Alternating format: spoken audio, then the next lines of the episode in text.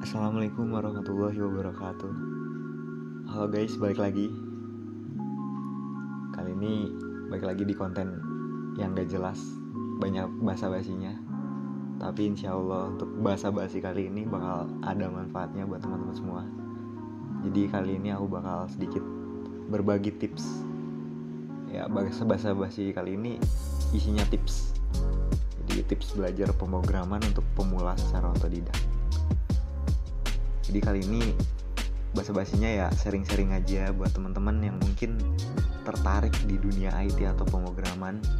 Ya walaupun di situ tidak berlatar belakang ya dunia IT jadi gak usah khawatir teman-teman tetap bisa dengerin dan juga bisa belajar dari sini. Ya kita kita melihat perkembangan zaman yang sudah pesat sudah maju ini khususnya perkembangan di dunia IT itu udah pasti maju terus ya bahkan bakal berkembang gitu.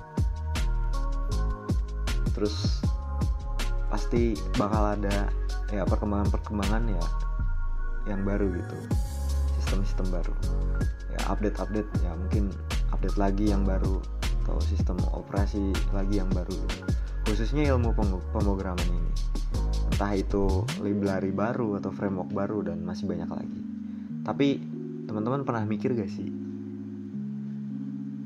Mau belajar pemrograman tapi mulainya dari mana gitu? Atau pas mau memulai gitu atau mau belajar ternyata udah ada lagi gitu update pemrograman bahasa pemrograman yang baru gitu. Padahal bahasa pemrograman dimulai dari hal-hal yang simpel-simpel dulu. gitu. Sekarang kita lihat ya banyak bahasa pemrograman baru library baru atau framework baru. Tapi itu jangan dijadiin suatu alasan atau halangan. Dulu aku juga pas pertama belajar coding ya itu kesulitan sulit gitu. Sulit banget. Dan juga masih ya berupa pemrograman pemrograman dasar. Oke langsung. Bakal sedikit ini tips yang gue rangkum aja yang menurut gue ya pandangan gue itu opini gue yang pertama dunia itu tuh banyak ya bidangnya. Nggak cuma hanya programming gitu. Nggak cuma hanya ngeprogram atau coding gitu. Tuh di situ ada networking ya terus development terus itu ada security ya dan banyak lain ya banyak yang lainnya gitu. Cuma di sini aku bakal share satu bidang itu bidang development. Itu development ini ya ada tiga tiga jenis. Ada web development ada mobile development atau Android development dan juga database development. Kenapa aku milih yang development ini? Soalnya satu bidang dan tiga jenis ini di Indonesia ini banyak banget lowongan kerjanya. Dan ini bidang ya ini bidang yang bisa dipelajari dengan mudah dengan tools yang mungkin ya seadanya misal komputernya mungkin ya seadanya bisa untuk belajar. Tapi kalau yang mobile development atau Android development itu ya perlu uh, komputer atau PC yang cukup ya speknya tinggi lah agar ya. Karena di situ sepengalaman saya sendiri gitu. Laptop biasa itu agak kuat buat jalan programnya gitu. Soalnya penuh dengan virtualisasi gitu pengujian tes programnya pun menggunakan aplikasi virtual. Jadi perlu PC yang agak mumpuni gitu untuk menjadi seorang ya atau belajar mobile Android development atau mobile development. Yang pertama kita bakal belajar yang namanya yang ini kita ambil yang development ini ya kita belajar yang namanya HTML ini yang paling dasar HTML apa sih HTML Hypertext Markup Language. Jadi HTML ini kalau dibaratkan itu kerangka. Di sini kita banyak belajar codingan-codingan yang paling dasar gitu. Mudah mudah dimengerti insya Allah. Jadi teman-teman nggak usah risau. Jadi tata cara belajar pemrograman itu kita mulai yang paling dasar.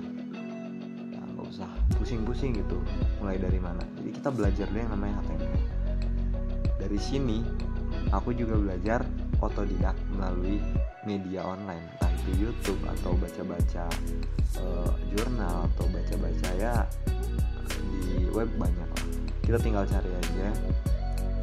Itu tutorial belajar HTML untuk pemula itu udah banyak. Tinggal baca itu nggak usah pusing-pusing. Kita lihat contoh copy aja copy terus cobain copy cobain edit-edit misalnya.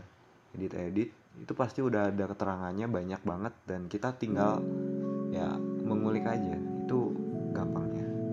Setelah kita belajar HTML setelah kita belajar HTML nah yang kedua ini kita belajar yang namanya CSS CSS apa itu CSS itu shading style sheet. Nah di sini kita mulai belajar yang namanya mungkin ya bisa diibaratkan dianalogikan lagi itu bajunya itu. Kalau yang tadi kan kerangka. Apa yang kita bikin itu masih berupa kerangka yang flat gitu. Yang masih satu satu bentuk. Belum ada warnanya belum ada bentuknya.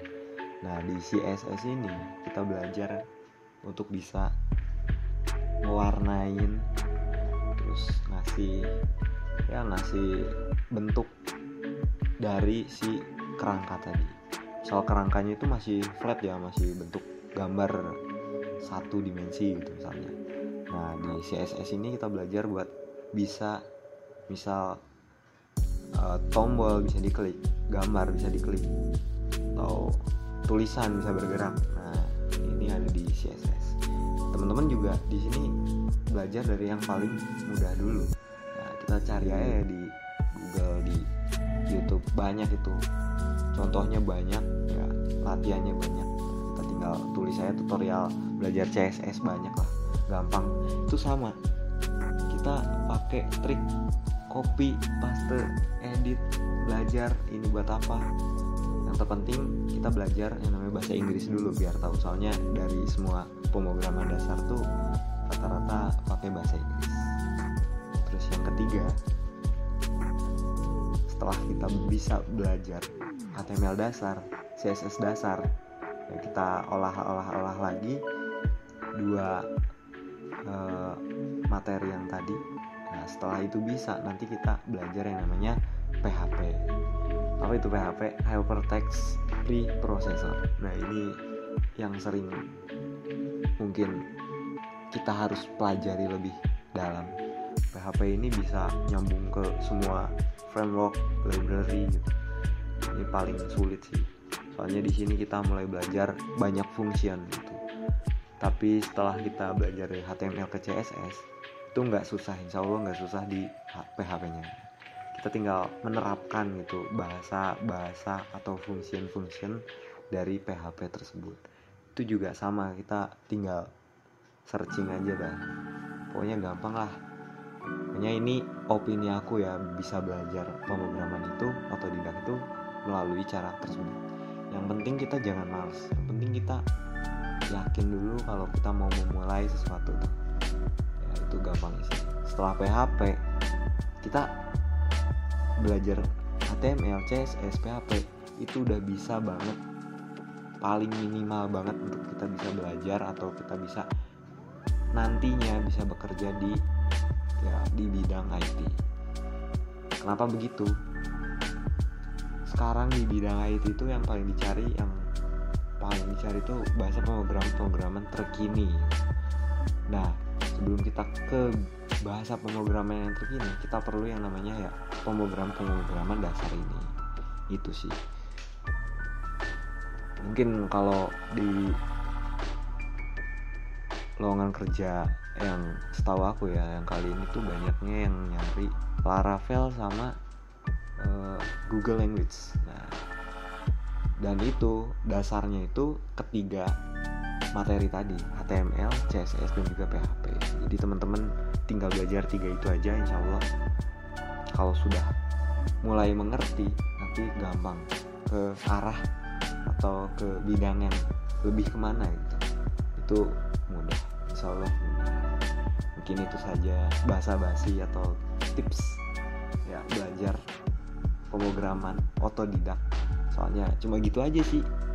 Ya tinggal kita gimana cara menerapkan ya ke diri kita masing-masing jangan pernah punya stigma belajar IT susah belajar pemrograman susah tapi selalu mikir wah enak kerjanya enak ininya enak. Ya cuma begitu begitu aja padahal. Ya mungkin itu saja yang bisa saya share atau saya sampaikan di bahasa basi kala kali ini. Gue udah belibet anjing pusing ngomong apa. Ini tapi cuma sharing ya. Soalnya kalau gue sharing ada mukanya nanti gue di dibully-bully ya kayak itu saja ya. Mungkin kalau ada yang lain bisa next lah next next next bahasa basi ya. Itu saja. Terima kasih telah mendengarkan uh, konten kali ini materi kali ini tips and trick. Gak ada triknya sih tips yang gak jelas ini. Ya mungkin konten selanjutnya bakal lebih keren lagi daripada yang ini. Oke itu saja. See you